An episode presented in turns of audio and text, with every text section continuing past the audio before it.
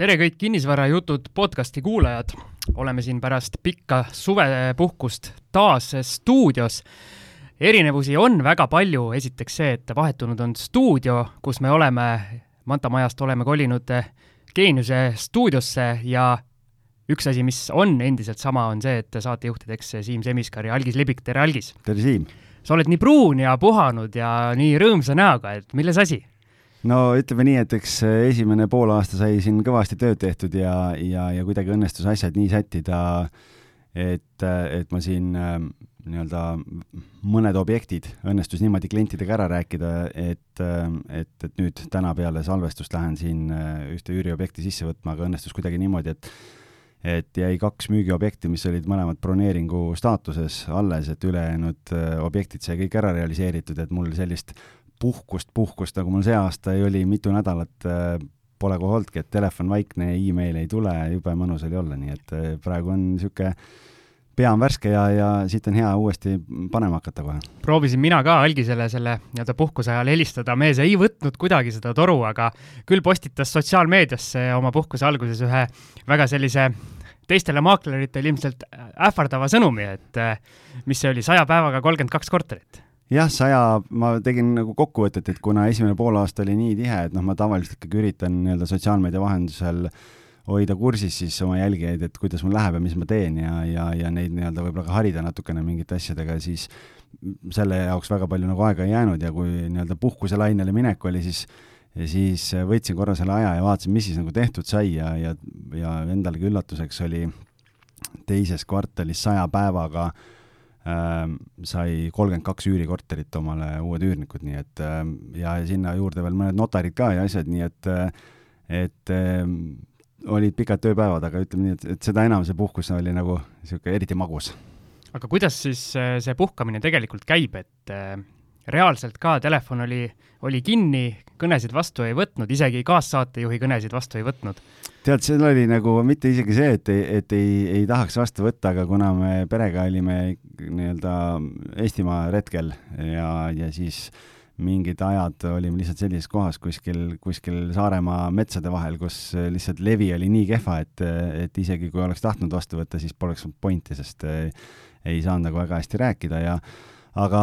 noh, ega, ega ta nagu ütleme, et õnnestus võib-olla üheksakümmend protsenti, sellepärast et, et noh, meil on Airbnb halduse korterid ka, kus me siis Keniga mõlemad haldame ikkagi ja suhtleme klientidega ja seal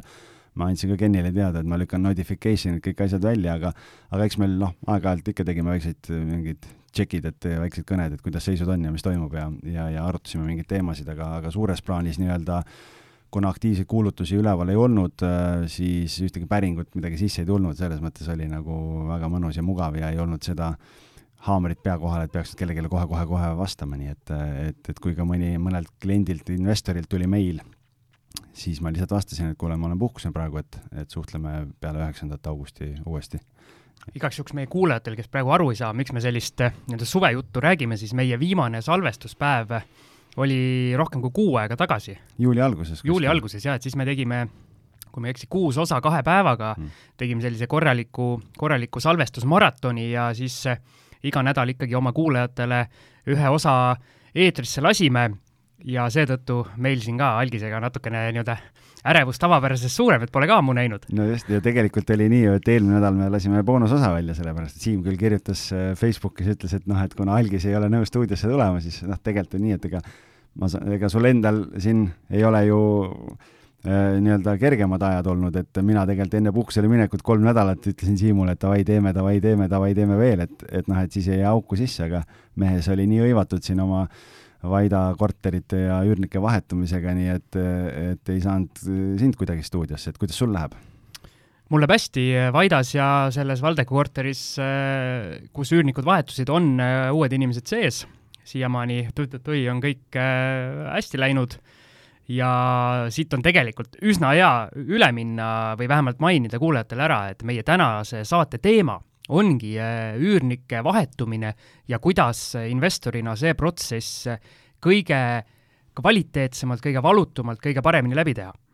nojah, et äh, kuna Siimul on kahe korteriga värske kogemus olemas, siis ma ka tahan kohe huviga kuulata, et mida sa tegid ja kuidas sa tegid ja kuidas sul läks, nii et, et, et eks siis saame vaadata, kuidas meil see sõit täna minema hakkab. ma just enne, kui äh, mikrofonid sisse lülitasin, siis ütlesin ka algisele, et äh, hullumeelselt oleks tahtnud, et sa mu kõnesid oleks vastu võtnud, äh, kuna tundsin selle üürnike vahetamise protsessi jooksul taas, et mingeid asju ikkagi oleks võinud paremini teha, kuigi ma ise tunnen ka, et äh, iga kord või iga samm äh, kui see on vaja teha, siis, siis läheb justkui nagu paremini, aga, aga ikkagi siis tagantjärele mõtled, et eh, ilmselt midagi sai ka valesti tehtud. noh, selles mõttes on jah, võib-olla on, on nagu hea, hea rääkida või see on niisugune huvitav teema, et kuna meil on ka ju ikkagi nagu väga palju korterid halduses ja, ja, ja minu osa on siis see, et ma ju annan üürile ja pärast, kui siis äh, vahepeal tegeleb Ken asjadega ja siis, kui mina, kui üürnik annab teada, et ta soovib välja kolida, siis võtan mina jälle, lähen võtan korteri vastu ja ja tegelen selle lõpetamise protsessiga ka, nii et, et siis saamegi vaadata mis hinde su eksamile siin täna panna saab? ma arvan, et äh, ma kukun läbi ja siis hakkan nutma ja siis äh, salvestad saate üksi lõpuni. noh, loodame, et nii hullusti ei lähe. koolipoisi hinne on ka okei okay,, vaata, ega siis ei peagi alati viieline olema. just, aga kas hakkame minema või sa tahad ikka nii-öelda kuulata, kuidas äh, kuidas suurel kinnisvaramagnaadil Vaidas läheb? jaa, ma tegelikult mõtlesin, et enne kui me asja juurde läheme, et sul on ju praegu üks korter ka töös, et, et räägi võib-olla kuulajatele, mis seis sul on, et kuna siin sa esimese korteriga panid Vaida kinnisvaraturu seal buumima ja, ja nüüd ostsid järgmise, et mis sul toimub seal? ütleme nii, et kui ma mingis saates, ma ei mäleta, kas see oli äh, põhisaates või boonusosas, äh, mainisin, kuidas ma ikka ise hullult äh, hakkan seal käsi seguseks tegema ja möllama, siis läks hoopis vastupidi, et tuli sinna korterisse mul siis, kui ma mööbli, mööbli panin tasuta äraviimiseks Facebooki Marketplace'i üles, tuli üks, üks mees, kes viis ühe voodi minema ja sel hetkel, kui voodit alla tassisime või või oli see sel hetkel, kui ta alles korterisse läks, ma, ma enam nii täpselt ei mäleta, äh, küsis, et, et kes sul remonti hakkab tegema. ma ütlesin, ma ise hakkan muidugi ja noh, selline, selline jutt ja, ja siis küsisin igaks juhuks, et no, et aga keda sa soovitaksid. ja siis ta soovitas iseennast, ütles, et ta on äh, kümne aasta jagu äh, seda tööd teinud, et võib mulle kohe siin nii-öelda puusalt esimese hinnapakkumise ära ka teha kohe seal korteris ja nii läkski. ja see mees mul vaikselt seal on ehitanud kas sul seda ohtu ei tekkinud, vaata, me oleme hästi palju rääkinud, et noh, et, et headel töömeestel on nagu järjekorrad, et kui keegi ütleb, et ma saan kohe alustada, on ju, et noh, et äh, väikest alarmat põlema ei löönud, me, me rääkisime ka sellest küll, aga, aga et äh, mis mõtted tekkisid? see on äh, nii pull, et sa seda küsid, kuna meil oli siin äh, augusti alguses äh, üks kinnisvarajuttude siis teine live, live kokkusaamine Kristiine keskuses. algis, kus sina olid, ma küsin vahele? ma puhkasin, et ma ütlen, Siim alati õnnest-, sätib sellistele aegadele need üritused, kus, et jumala eest mina osaleda ei saaks, et aitäh sulle. aga seal üritusel, ühesõnaga, me rääkisime hästi palju flippimisest ja tõesti väga põnev oli, et kui me kun, nii-öelda kunagi järjekordsed üritused teeme, mida me kindlasti teeme, siis, siis kindlasti tulge kohale. vähemalt minul oli väga huvitav ja ma sain tagasisidet ka, et, et inimestele meeldis aga see selleks, ühesõnaga seal, seal tekkis täpselt samasugune küsimus inimestel kohe esimese asjana, et kui on praeguses äh, turuseisus mingi ehitusmees, kes ütleb, et põhimõtteliselt äh, ma võin kohe alustada, et anna ainult tööd kätte, siis äh, see on äh, väga kõva punane lipuke ja eks mul oli see punane lipuke üleval ka ja ja, ja kõik on niimoodi läinud, et, äh, et äh, alguses leppisime küll kokku, et ma maksan talle siis, kui tööd kõik tehtud on aga, aga noh, nagu tundub, et töömehed ikka, siis ta vahepeal, vahepeal on tulnud, öelnud, et kuule, et teeme ikka nagu etappide kaupa, mida ma tegelikult ise talle alguses välja pakkusin, aga sellega ta nagu selles mõttes nõus ei olnud, ta ütles, et võib ka lõpus. et äh, siiamaani on kõik hästi läinud, et ma ei ole midagi ette maksnud, töid on äh, jooksvalt tehtud,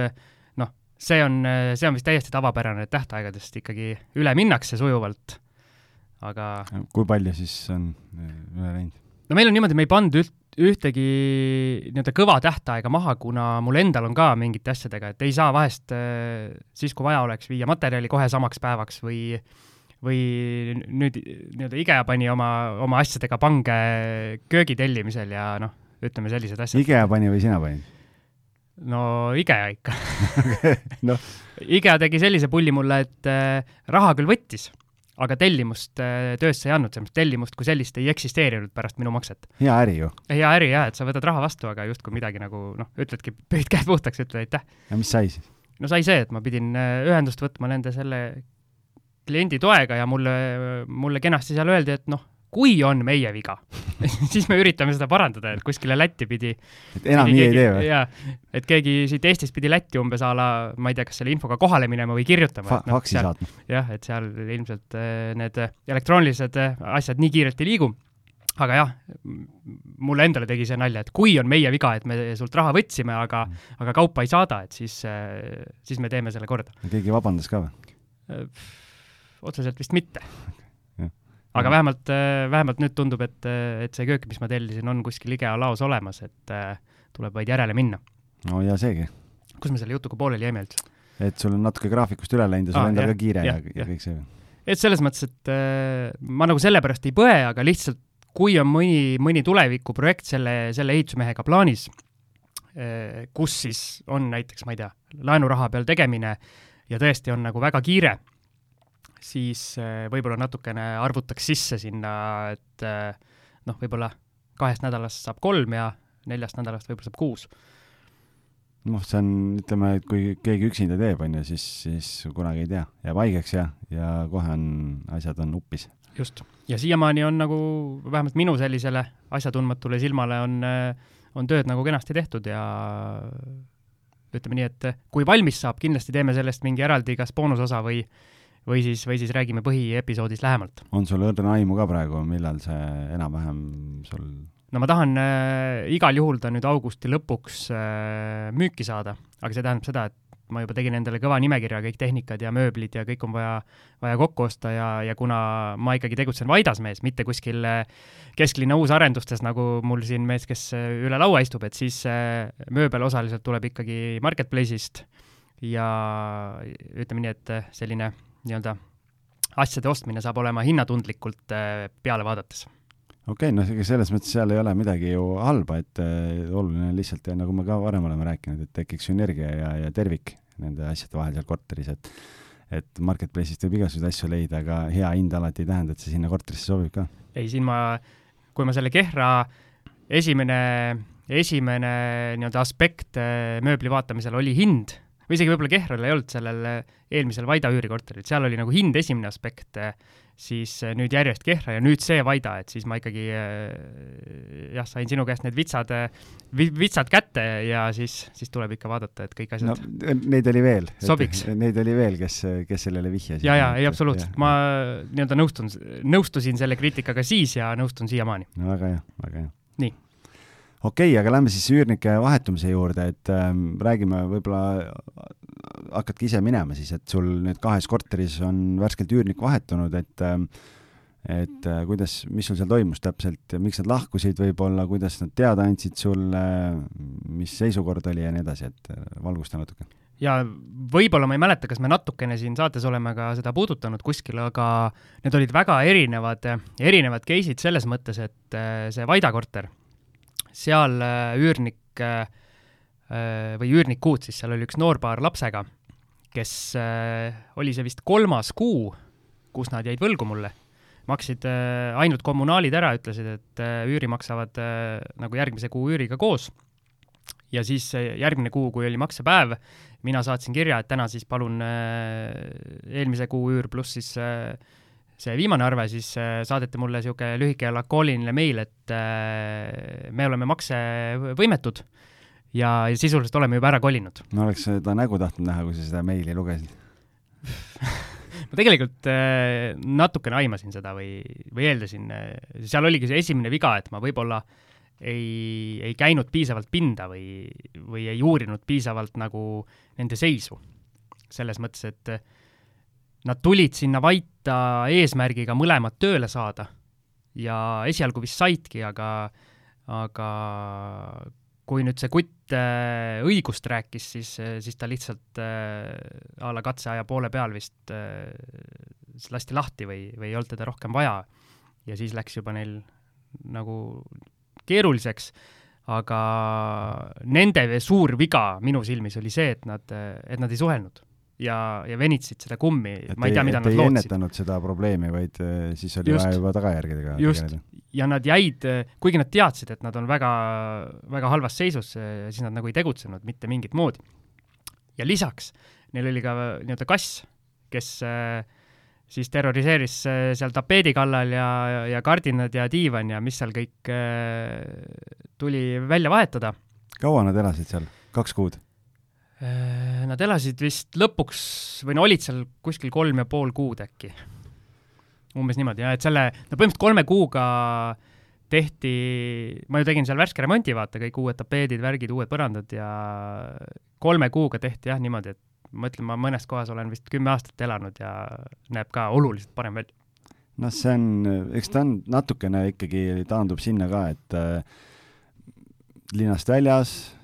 selline väiksem piirkond, võib-olla see kontingent natuke üürnikest on teistsugune, on ju, noh, et, et eks seal on jah, selline, seda riske natuke rohkem võib-olla kui, kui Tallinnas mõnda korterit välja üürida. Need ei olnud tegelikult halvad inimesed, vaid äh, nad olid nagu, kuidas ma ütlen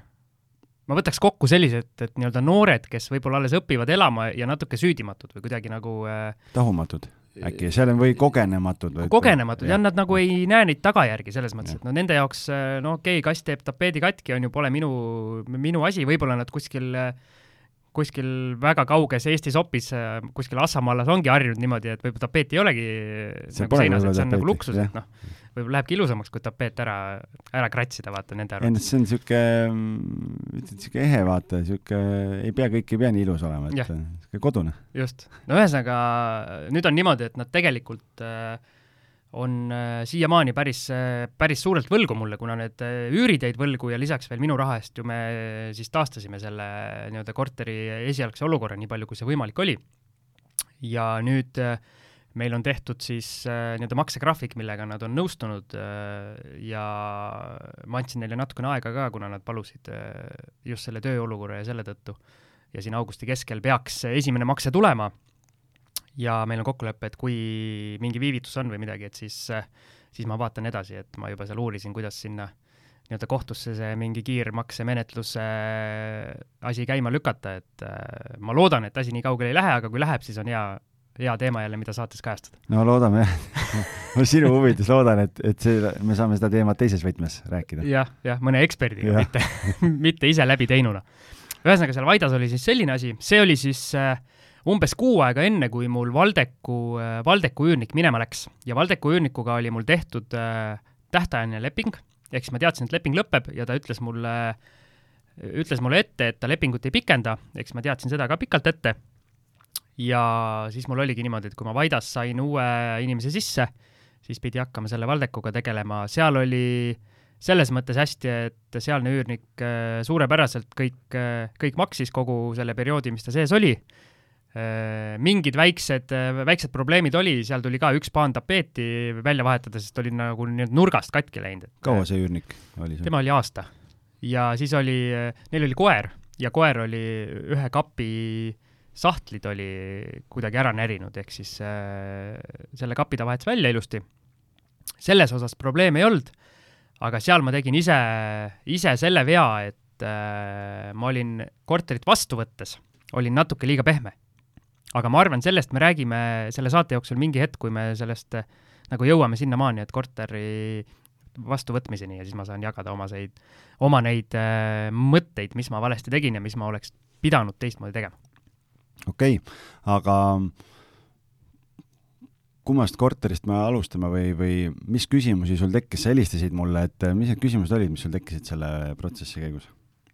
tegelikult räägime siis kohe selle nii-öelda vastuvõtmise ära, et kui sul äh, on selline olukord, kus äh, eelmine üürnik läheb minema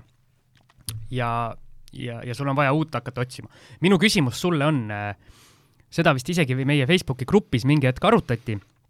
aga kas sina näitad korterit uuele potentsiaalsele üürnikule siis, kui veel vana on sees? isegi kui nii-öelda lepingus võib see kirjas olla, et peab laskma nagu näidata ja, ja ma arvan, ei oleks ka minul probleeme olnud, aga mina otsustasin, et ma ei näita jaa, mina ikkagi, et äh, täna on meil olukord selline, kus meie halduses olevatel korteritel on täituvus on sada protsenti, on ju, investorite korteritel ja vakants on sisuliselt olematu. ja põhjus on hästi lihtne, et äh, et see on jälle küsimus selles, et kui sa seda üürnikku otsima hakkad, et äh, et kumba lepingut äh, siis teha. et see tähtajaline leping tundub jube hea, kindel, ilus ja tore asi, et, äh, et, et saab kindlaks ajaks, ma ei tea, aastaks-kaheks saab üürniku sisse. Aga noh, täpselt see Vaida näide näiteks on ju, et noh, sa võid selle tähtajalise lepingu teha, aga kui üürnikul midagi juhtub sissetulekuga, siis sellest tähtajalisest lepingust ei ole väga palju kasu. Ja, ja mina alati, kui ma kui ma üürnikega kohtun ja seda äh, korterit näitan, siis ja mul on omanikega kokku lepitud ja ära räägitud alati, et mina soovitan teha tähtajatu lepingu äh,, sellepärast et ta on äh, noh, inimlikum. okei okay,, jaa, ma ütlen alati seda ka, et et äh, siin on see üürileping, mõlemas otsas on inimesed, et äh,, et alati saab asjades kokku leppida, aga kui sul on tähtajaline leping, kuue kuu pärast, aastaks tehtud, kuue kuu pärast üürnik ütleb, et ma nüüd tahan välja kolida, ja kui omanik nõus ei ole, siis ta peab ikkagi selle kuus kuud maksma, aga, aga sellepärast ma alati soovitan tähtajatu teha. Ja siis on kolm kuud ju äh, nii-öelda etteteatamist. Ja, ja alati juba, kui ma nüüd lähen hästi kaugele selle jutuga, aga just, et tegelikult ma teen selle eeltöö üürnike vahetumisel juba teen ära siis, kui äh, nii-öelda, kui ma üürilepingut sõlmin ja kui ma, siis ma juba üürnikule selgitan, et see tähtajatu leping on sellepärast parem, sul on kolm kuud aega, kui sul on kiiremini vaja minna. Et noh, et see tähtajaline tundub parem, et kuu aega äh,. ma korra küsin vahele, kas, kas tähtajalises lepingus ei ole seda nii-öelda taganemise võimalust siis üldse, minu meelest on,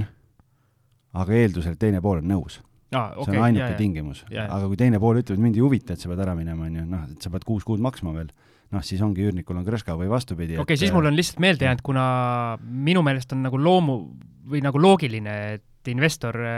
kui ta saab nii-öelda kolm kuud ette teada, et eh, nii-öelda tähtajalist lepingut tahetakse lõpetada, see on nagu normaalne, et sa lased inimese minema, et sa ei hakka mingit jama noh, et seal on, seal on lihtsalt see, et vaata, see kolm kuud annab nagu mõlemale poolele eh, selle, selle paindlikkuse. et kui üürnik annab sulle teada, et kuule, ma nüüd ostan korteri endale või ma kolin Eestist ära või, või ma ei tea, ma, mis iganes see põhjus on, ja ta ütleb, et, et noh, mul on äh, kiiremini vaja, siis tegelikult ma selle jutu räägin juba siis ära, kui ma üürilepingu sõlmin, ma ütlen talle, et jaa, siin on kolm kuud on etteteatamist Äh, et äh, aga kui sul on kiiremini vaja, siis see kiiremini lõpetamine on võimalik, kui sa ise oled koostöövalmis. kui sa annad mulle teada, et äh, või omanikule, et, et sa soovid üürilepingut lõpetada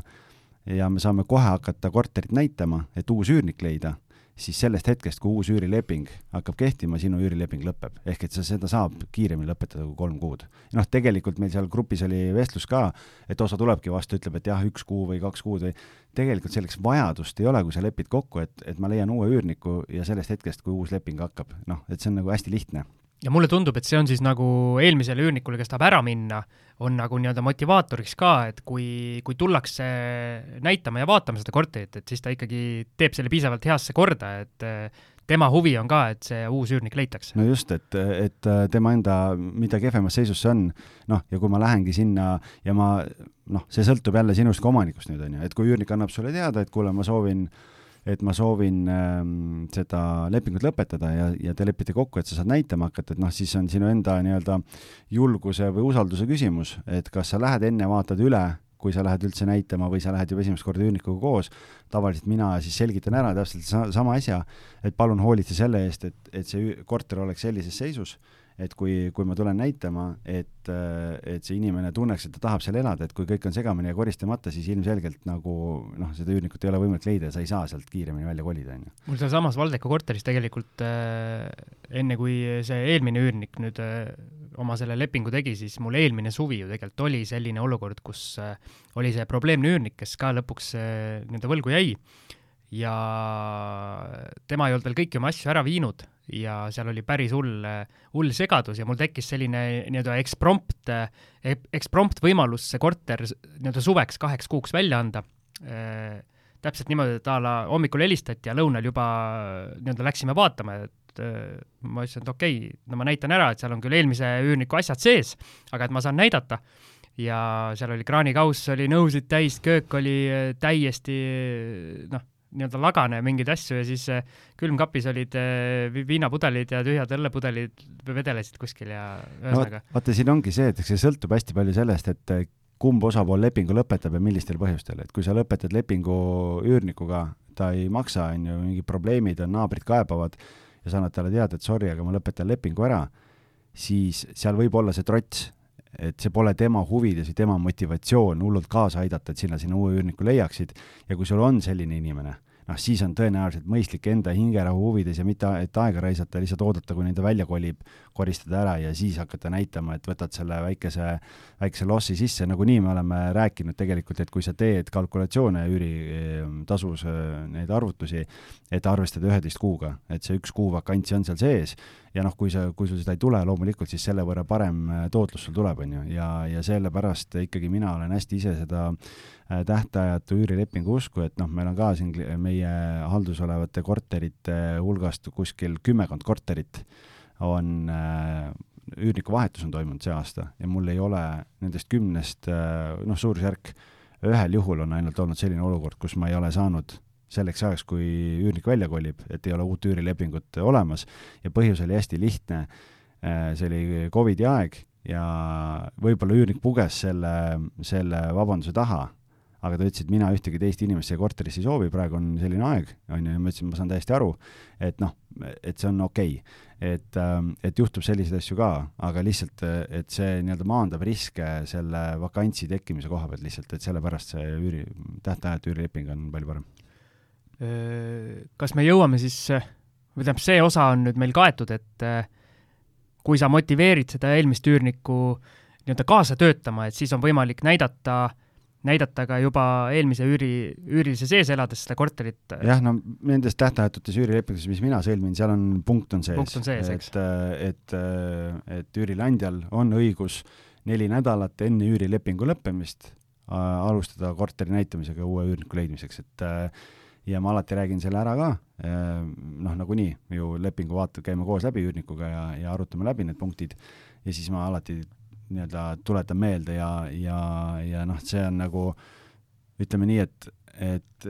kolm korda üle vasaku õla sülitada, aga, aga siiamaani kuidagi on õnnestunud jah, see üürniku valimisel see eeltöö nii hästi teha, et on meeldivad ja toredad ja mõistvad inimesed olnud, et, et viimase aasta jooksul on seda, seda kogemust siin omajagu olnud, jah okei okay,, aga liigume siis sammu edasi ja nüüd meil on äh, vaja see korter eelmise üürniku käest kätte saada. Äh, vaat seal tegin nüüd, okei okay,, Vaidas ei olnud probleeme, kuna see korter oli nii halvas seisus ja seal tuli hakata uuesti seal parandama. seal sellist probleemi ei tekkinud, aga Valdekus mul tekkis see probleem. ma räägin selle loo nii-öelda kiirelt ära, jah. korra tulen tagasi, üks asi läks meelest ära, mis on veel oluline, et alati, kui sa lähed korterit näitama, on ju, uuele üürnikule, siis palu olemasolevale üürnikule ära minna kodunt et äh, hästi oluline sellepärast, et äh, et kui ja noh, kui sa lepid temaga kokku, et ma tulen nüüd näitama, siis mine ise viisteist, kolmkümmend minutit varem kohale ja vaata noh, täpselt, et kui sul on need mustad nõud, asjad, et sa saad visata kuskile kappi peitu või, või, või panna nad nagu silma eest ära, need Friendsi trussikud sealt äh, radiaatori pealt. aga, aga, aga just see, see po sama point, et äh, et teda ei oleks, sellepärast et siis tunneb see, tema eba, ennast ebamugavalt seal, see uus inimene tunneb ebamugavalt, seal tuleb kellegi elu segama, on ju, ja siis võib-olla ta hakkab selle üürnikuga otse suhtlema ja, ja sealt, kui see üürnik ei ole väga motiveeritud ka veel, siis, siis puistab seal võib-olla mingeid selliseid lauseid. pärleid. Nagu, jah, nagu, mida ei ole nagu vaja, on ju. et, et lihtsalt see praegu tuli meelde, et aga nüüd sa võid oma mõtte juurde tagasi tulla. ja ma vist äh, nii-öelda laiendan seda teemat natuke, et ma vist siin olen ka öelnud, kuidas ma olen äh, ühte korterit käinud nii-öelda ostuhuviga selliselt, kus omanik ise ei tulnud ja lasi üürnikul näidata. üürnik ja. rääkis kõik, kõik jubedused ära ja ütles, ära seda korterit kindlasti osta. Maardus oli see korter vist? ei, see ei olnud Maardus, see oli, see oli mul sealsamas Valdekus, aga ah, okay, jah, jah, ja. Maardus oli see, kus omanik kohale üldse ei tulnud. jättis mu autosse istuma. no sul neid fail'e jagub, vaata, ega ma ei jõua järge pidada no ma olen nii ebausaldusväärne ka, vaata, et minu, mul ei viitsi üldse näitama tulla. nii, okei okay,, aga ühesõnaga, mis mul Valdekus juhtus, oli see, et äh, meil venis see nii-öelda korteri võtmete kättesaamine natukene minu põhjustel ja natuke siis äh, eelmise üürnike põhjustel, põhjustel ka sellega, et äh, esimene kord, kui me justkui läksime, kui, või tähendab, kui mina läksin võtmeid võtma, siis äh, oli selgelt see korter äh, väga halvasti koristatud, et mingid a la pinnad olid äh, nii-öelda märja lapiga küll ära, ära tõmmatud, aga näha oli, et äh, ahi, pliid, külmik, kõik oli näpujälgi täis ja nurgad ja kõik noh, ühesõnaga väga halvasti koristatud, isegi minu silma jaoks, kes ma olen selline nii-öelda keskmisest võib-olla vähem, vähem nõudlikum selles osas. ja siis me leppisime üürnikuga kokku või ma ütlesin, et ma ei võta seda korterit vastu, seepärast meil oli, et mina andsin sulle täiesti puhta äh, nii-öelda puhta ja ideaalselt koristatud äh, koristatud korteri, et ma tahan samas seisus seda tagasi. ja siis selgus selline asi, et, et ta üldse ei olnud nagu või ei, nagu ei hakanud vaidlema, et see on halvasti koristatud, vaid ta ütles, et, et ta arvas, et ma, et mina ei maksa talle seda tagatisraha nii-öelda tagasi ja sellepärast ta ei viitsinud väga vaeva näha. ja siis ma nagu küsisin, et noh, et miks sa nagu, nagu sellise mõtte peale tulid, et ma sulle tagatisraha ei maksa tagasi, et noh, ja tuli välja, et tal on mingeid valusaid kogemusi siis, siis varasemast ajast, et umbes et ta nagunii jah, et nagunii seda tagatisraha kätte ei saa, et see on niikuinii läinud, et et ta ei viitsi seal vaeva näha, et annab nagu nii-öelda kehvas seisus korteri. aga ma ütlesin, et ma niisuguse jamaga ei tegele, et et kindlasti saad tagatisraha tagasi, aga ma tahan väga hästi koristatud korterit. nii, läks natuke aega edasi ja läksin uuesti võtmeid vastu võtma ja selgelt oli, oli paremini koristatud, aga ei olnud ka nagu ikkagi see, mis mina üle andsin. ja lõpuks oli niimoodi, et kuna mul abikaasa läks siis seda korterit koristama ja siis, kui ta seal kaksteist tundi oli ära olnud, eh, mu abikaasa on väga selline, ütleme nii, et armastab puhtust ja korda ja oli seal kaksteist tundi kõikvõimalike abivahenditega ja tuli pärast eh, peale keskööd koju ütles, et äh, see on äh, viimane kord, kui ma sellises, äh, sellises seisus korteri võin vastu võtta või tema sinna koristama ei lähe. või koristad ise. just, ja ma nagu mõtlesin, et no see ei olnud nii hull, aga tuli välja, et ikkagi oli, et ühesõnaga, olin natukene liiga pehme, ma oleks pidanud ka teisel korral selle tagasi lükkama või ütlema kohe esimene kord, et et okei okay,, kuna sa ei tu-, sa ei suutnud õigeks tähtajaks, nagu me nii-et kokku leppisime, seda korralikult ära koristada, siis ma võtan firma, sinu tagatisrahast tuleb see, ma ei tea, sada viiskümmend eh, maha ja saame asja niimoodi korda. jah, siin on jälle hästi oluline asi, mida saab teha sellisel juhul, et ähm, üürilepingusse läheb punkt, et äh,, et korteri, korteri tagasivõtmisel on vaja siis üürnikul enne tagasi, korteri tagastamist on vaja teha professionaalne lõpukoristus ja selle tegemata jätmisel on siis üürileandjal õigus küsida selle nii-öelda koristusteenuse tellimise tasu. Ja meil on lepingutes nii-öelda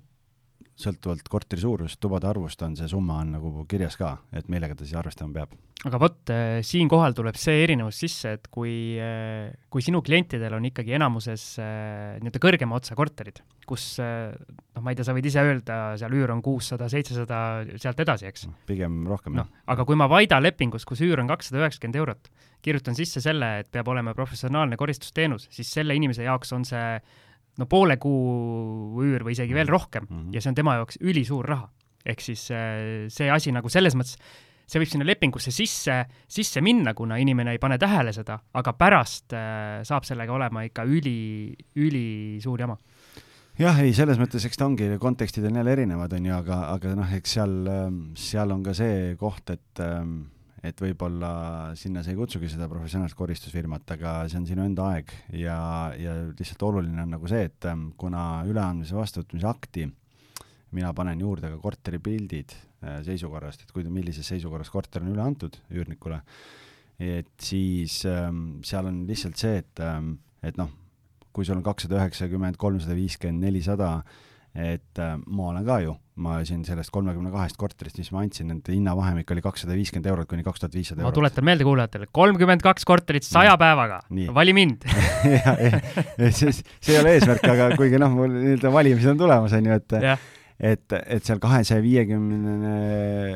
euroses korteris oli samamoodi, lõpukoristuse klausel on sees ja üürnik peab sellega arvestama, et, et ega see Tallinna kahesaja viiekümne eurone üürnik ei erine Vaida kahesaja seitsmekümne eurosest üürnikust, et ähm, lihtsalt see on see,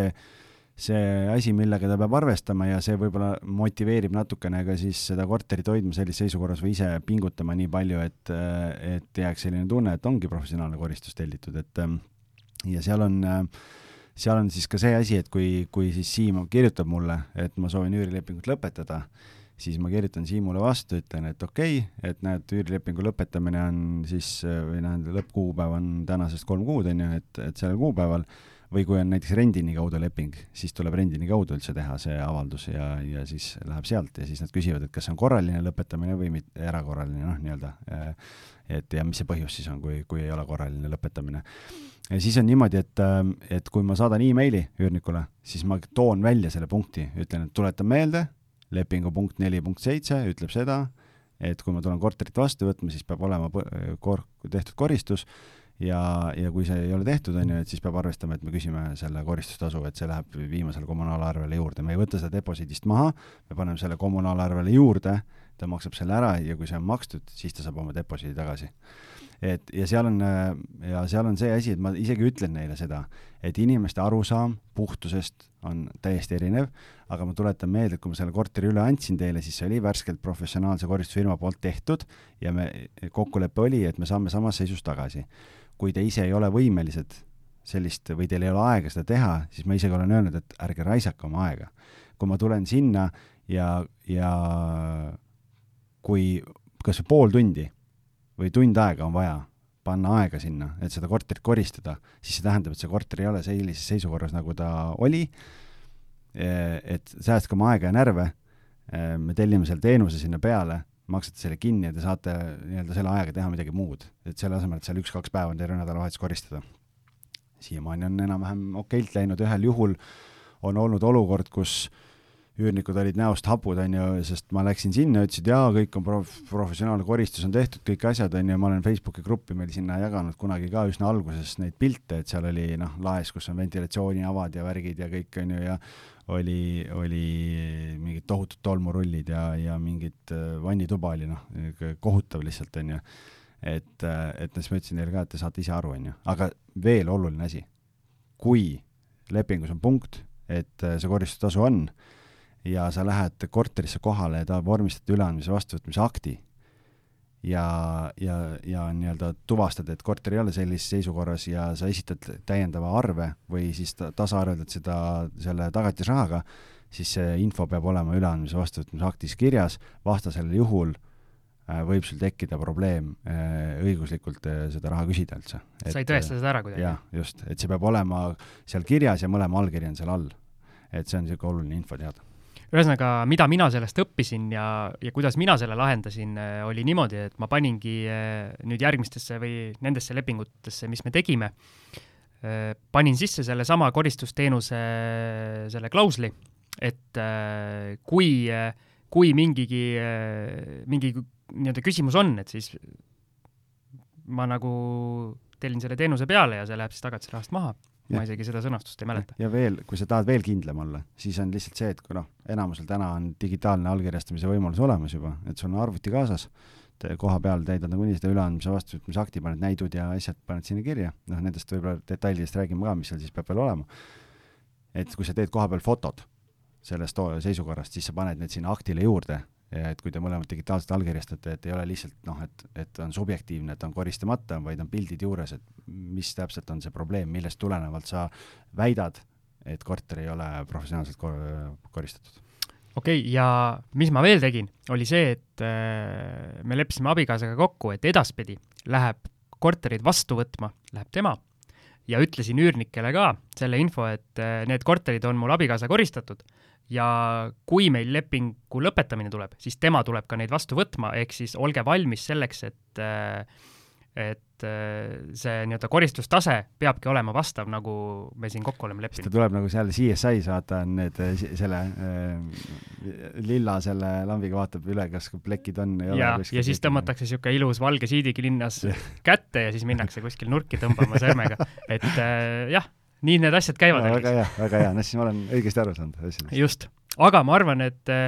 lähme selle koristuse ja mustuse pealt nüüd äh, vähe,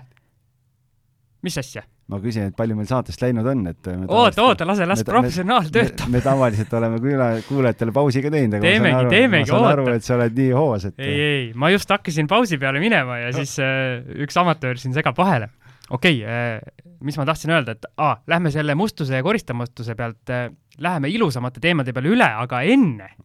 me teeme ühe lühikese pausi.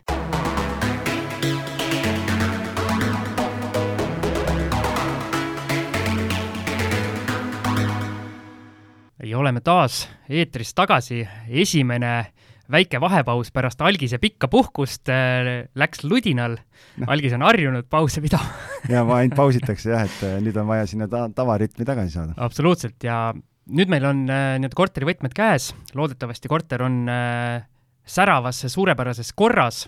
Tegelikult ei ole veel käes, et ikkagi räägiks selle üleandmise vastuvõtmise akti täitmise no vot, meil ei olegi veel korterit käes, Algis, räägi siis palun. et võib-olla räägime muud asjad ka ära ikkagi, mis on nagu oluline siis, et kui kui sa seda korterit vastu võtma lähed, on ju, ja, ja siis ähm, noh, see üleaast-, minul on vähemalt see üleandmise vastuvõtmise akt on niimoodi üles ehitatud, et, ähm, et selle ähm, üleandmise vastuvõtmise akti ühe osana on siis loetelu korteris olevatest esemetest ja nende rahaline väärtus. ja siis ma üürnikele alati ütlen, et noh, et see on selline keskmine väärtus, et noh, kui meil on see meil on see, ma ei tea, IKEA Hemnese laud on siin keset tuba, on ju, et äh, võib-olla seda lauda ei ole kohe saada, kui on vaja uus laud tellida, kui sellega midagi juhtunud, et siis me otsime uue samaväärse laua ja nagunii alati esitame tšeki, et näed, see on see laud, see maksis nii palju, et, et me üritame samas hinna, hinna suuruses leida siis samaväärse äh, laua, mitte ei, sinna ei teki üks null järsku nagu äh, lõppu juurde, et siis peaks nagu noh, et see on see suurusjärk, millega peaks nagu arvestama ja nüüd, kui ma lähen äh, korterit vastu võtma, siis siis ma võtan seesama üleandmise vastuvõtmise akti, lihtsalt äh, nii-öelda see tabeli tõstan sinna vastuvõtmise akti siis äh, ja võtan need rahalised väärtused tagant ära ja sinna tekib see, et kas on mingi puudus või ei ole. ja, ja siis märgin iga selle juurde sinna järgi ära, et oleks fikseeritud, on ju, ja, ja siis äh, ähm, kui on, äh, kui on palju neid puudusi, siis ma mõnikord isegi teen niimoodi, et, et ma panen siia kommentaari fikseeritud fotodel, nagu ma enne ütlesin, et äh, pole mõtet kirjutada, et ma ei tea, laua paremas nurgas on täke, vaid on see, et fikseeritud fotodel ja siis see foto on lisatud sinna üleandmise vastuvõtmise akti digikonteinerisse ja kui me allkirjastame selle dokumendi, siis, siis see on kõik seal nagu olemas. Räägi mulle selline jutt, et väga mõnus on kuulata, kuidas professionaal neid asju ajab kui kaua sa ühte korterit vastu võtad? Ajaliselt, kui sa vaatad kõikide laudade täkked ja kõik sellised asjad nagu tead, ma ütlen nii, et see aeg tegelikult nagu ajaga on läinud pikemaks ja ma olen päris, ega ma ei, ma ei ütle, et ma olen siin mingi perfektselt teen neid asju, et ma ka õpin ja, ja, ja täiendan oma nii-öelda protsessi kogu aeg. noh, just näiteks äh, värske näide oli siin aprillis ühest korterist kolis ära üürnik, läheksin sinna, vaatasin üle, puhas, ilus, korras, kõik tipp-topp, on ju, meeldivad inimesed ka ja, ja kuidagi kogu see protsess oli terve see aeg hästi meeldivalt meil läinud, on ju. ja võib-olla tegin äh,, äh, ei teinud nii põhjalikult kui, kui mõne teise korteri puhul. ja mis pärast välja tuli, oligi see, et äh, nõudepesumasina uks oli katki ja noh, tegelikult kui, kui tahta nagu nii-öelda monki panna või, või nii-öelda professionaalset kretinismi välja näidata, siis peaks tõesti nii, et sa kõik sahtlid teed lahti, kõik kapiuksed kontrollid ära, vaatad üle, äh, ma ei tea, tõstad voodimadratsi üles, vaatad, et lipid on korras, istud diivani, tugitoolid, kõik istud läbi, et kõik oleks korras, on ju, sellepärast et visuaalselt sa võib-olla ei tuvasta, aga pärast tuleb järgmine üürnik, ütleb, kuule, näed, et niisugune äh, asi, et tegelikult äh, äh, isegi leppisime Keniga kokku, on ju, noh, mina ei tuvastanud seda aga kui läks äh,, koristaja läks peale koristaja saatis info, ütles, et kuule, vaata, et ma tegin nõudepesumasina ukse lahti, et äh, ei tule korralikult lahti, et mingit jõudu on kasutatud, ühesõnaga seal oli midagi, oli natukene nagu paigast ära. ja siis me Keniga arutasime, Ken ütles, et kas sa kontrollisid, onju. ma ütlesin, et mm, et ei kontrollinud ja, ja noh, edaspidi olen selle võrra nagu targem, onju, et, et tuleb üle vaadata. Läks Võt... sinu palgast maha või? Äh, ei läinud, et äh, see ikkagi, me kirjutasime üürnikule ja mis juhtus ja nii edasi, ütles, et jah, et, et äh, vabandas, ütles, et unun-, unustas öelda, noh, hea öelda, onju ja me ikkagi ütlesime, et noh, et parandamistasu tuleb tal nagu kinni maksta, et ja, ja noh, ta oleks võinud vabalt öelda, et sorry, aga te võib-olla tegite ise selle pärast, aga ta oli nagu mõistlik, ütles, et jaa, et tegelikult juhtus küll. ühesõnaga pääsesid? ja, ja pääsesin jah, nii et, et selle võrra sai võib-olla ühe, ühe hea söögi rohkem teha seal puhkuse ajal, on ju, aga, aga aga noh, ütleme nii, et tegelikult pigem võta see aeg ja natuke kauem kui see, et sa lähed ja jah, ebamugav ja natukene jah, noh, teeme ära ja kiirelt ja tegelikult see on sinu enda huvides ju korteriomanikuna, et kõik oleks nii perfektselt äh, kontrollitud ja, ja seda enam veel, et sa võib-olla seda inimest mitte kunagi enam ei näe, suva on ju, sa võtad, ütledki, et me arvestame tunni aega, ma tulen, vaatame kõik asjad koos üle, et, et pärast ei oleks nagu arusaamatusi. see on üks asi, siis teine asi on see, et äh, näidud on vaja võtta ju, et äh, see sõltub jälle nüüd Vaidas tõenäoliselt sul kauglugejatega seal väga mingeid asju ei ole. kuule, ära jama. muidugi. on ju, aga sul polnud näid-, sul polnud mõõdikuidki korteris seal, et see oli Kehras. aa, okei okay., et noh, Vait on juba jõudnud äh, need mõõdikud ja, ja tegelikult juba elekter läheb kauglugemisega, vesi veel ei lähe. okei okay., noh, et seal on see, et äh, osa ütleb, et, et peaks need elektrinäidud ka nagu kirja panema, kui on kauglugejatega, mina kirjutan üleandmisakti, et on kauglugejaga, sellepärast et sa ise nagunii neid näiteid ei saada ja ja, ja kõik käib, käib automaatselt, on ju, et ähm, siis on see sisustus on vaja üle kontrollida äh,, sama nagu ma ütlesin, voodid, diivanid, asjad kõik äh, vaata, vaadake üle, et kõik toimib. kõige parem oleks siis nädalaks ajaks sinna sisse kolida ise ja, ja vaadata. jah, öelda, et kuule, ma tulen, oleme mõned päevad koos, on ju, et saame lähemalt tuttavaks ja, ja siis äh, siis äh, hästi oluline teema veel äh,, eriti see puudutab äh, neid, kellel on välismaalastest äh, üürnikud äh,, on see, et nad teevad ju oma interneti- ja telekalepingu sinna ja meil on juhtunud niimoodi, et äh, üürnik äh, ütleb, et ma ostsin need seaded välja, et äh, ma ei viitsi neid tagastada sinna Elisasse või Teliasse, on ju, et äh, las nad jäävad, noh, et visake ära, kui te ei taha või mis iganes. ja ja tegelikult on see, et nad ei lõpeta oma lepingut ära ja kui sul siis uus üürnik kolib sisse, siis nad ei saa uut lepingut teha, sellepärast et vana leping on all. ja sinul omanikuna on see lisapeavalu jälle, ajakulu, suhelda nendega ja nii edasi ja meil just värskelt oli, kus kus me lõpuks ikkagi noh, klient on juba kaks kuud Venemaal ära, on ju, ja siis äh, me viisime sinna äh, seaded ära ütled, noh, et võlgnevus on, ma ütlesin, et aga see ei ole meie leping, et me, meie oleme lihtsalt, me tulime praegu appi ja me tõime need seaded ära, et et äh, ja siis noh, neil nii palju, kui ma olen aru saanud, nad tegelikult ei peaks vist seda teenust ära lõpetama, sest tingimus on see, ja minu arust, kas ei olnud mitte, keegi saatekülalistest meil rääkis, kus oligi, et tema maksis ühe üürniku vana võla ära selleks, et uus teenus kehtima panna. kusjuures ma tahan siin äh, natukene oponeerida, mul oli Vaidas täpselt selline olukord ja sellesama jutu peale, ma ei mäleta, kas sina rääkisid või oligi meil keegi külaline, kes seda rääkis, äh, Vaida üürnik, kes niigi võlgu mulle jäi, vaata. Äh, ma küsisin, et kas sa lõpetasid oma selle, selle lepingu ära. tal oli vist Teliaga äkki. Äh, ütles, et jah. ma küsisin, kas sul said kõik rahad makstud? ta ütles, et ei, võlgnevus on üleval. nii, ja siis ma, siis ma ajasin talle seda, et maksa kõigepealt see võlgnevus ära. et enne ma ei saa uut üürnikku sisse panna, sest ta ei saa uut lepingut teha ja siis oli niimoodi, et ta ei suutnud, ei suutnud seda maksta. ja mul tuli juba uus üürnik ja ma ütlesin uuele üürnikule, et et kui sa hakkad Telia lepingut tegema, võib juhtuda see, et sulle öeldakse, et seal korteris on eelneva, eelneva lepinguga see võlg üleval, et siis võta minuga ühendust ja me lahendame selle asja ära. aga, aga ta sai lepingu tehtud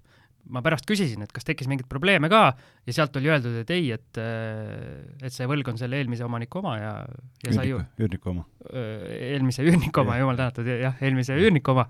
et ja siis tema sai ilusti uue lepingu tehtud. jah, aga, aga noh, okei okay,, see on võlgnevus, aga kui sul on teenuseleping on mm -hmm. aktiivne, et seda no, pole ära lõpetatud, et sa kindlasti räägi üürnikuga läbi, kui sa korteri vastu võtad, et või isegi täpselt, kui, kui sa, enne kui sa lähed siis sa võid juba talle info anda, et kuule, ole hea, lõpeta leping ka ära ja, ja annad, pistad talle need seaded ka, seadmed ka kaasa, et see ei jää sinu vastutusse, et kuskile ära viia või midagi, ütled, et ei, et äh, need on sinu omad mm. -hmm. kas sul on välja ostetud või üüritud, see ei ole minu asi, et, et need on sinu omad ja võta kaasa. nii, siis on üks oluline asi, on see, et kindlasti äh, tuleb üürnik välja registreerida korterist, kui ta on sinna sisse kirjutatud, nii et sa omanikuna äh, äh, ei pea kartma seda, kui keegi üürnikest küsib, et kas ta võib sinna sisse kirjutada, sest tihtipeale neil on seda vaja, kas äh, eriti kui on lapsed mängus, kool, lasteaed, mingid asjad, tasuta ühistransport äh,, et seal mingit juriidilist äh, jõudu ei ole, aga et kui ta välja kolib, et siis ei unusta teda sealt välja kirjutada, lihtsalt sa saad ise omanikuna seda teha, logid äh, rahvastikuregistrisse sisse ja, ja, ja teed sealt selle, selle liigutuse ära. ja siis, kui Äh, te, mina deposiidiga, viimane asi siis, deposiidiga nii-öelda tasaarveldamist mina ei soovita, et äh, see ei ole selle jaoks mõeldud. Äh, see on just selle jaoks näiteks, et, et kui see nõudepesumasina jama välja tuli,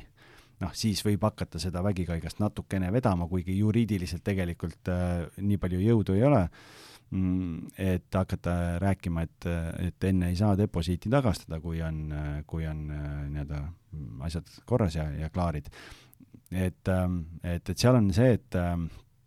et selle deposiidi puhul on noh, lepingusse osadel on kaks nädalat pandud, et kahe nädala jooksul kantakse tagasi, osadel on äh, neli nädalat, osadel on seal äh, noh, tegelikult väga üle kuu aja nagu ei ole väga viisakas ja ma ei, ma ei mäleta, kas võlaõigusseadus seda sätestab ka või ei sätesta, et äh, aga, aga lihtsalt on see, et, et tavaliselt miks see kuu aega on nagu selline optimaalne, on lihtsalt see, et kui täna on meil üheksas august, üürnik kolib täna välja,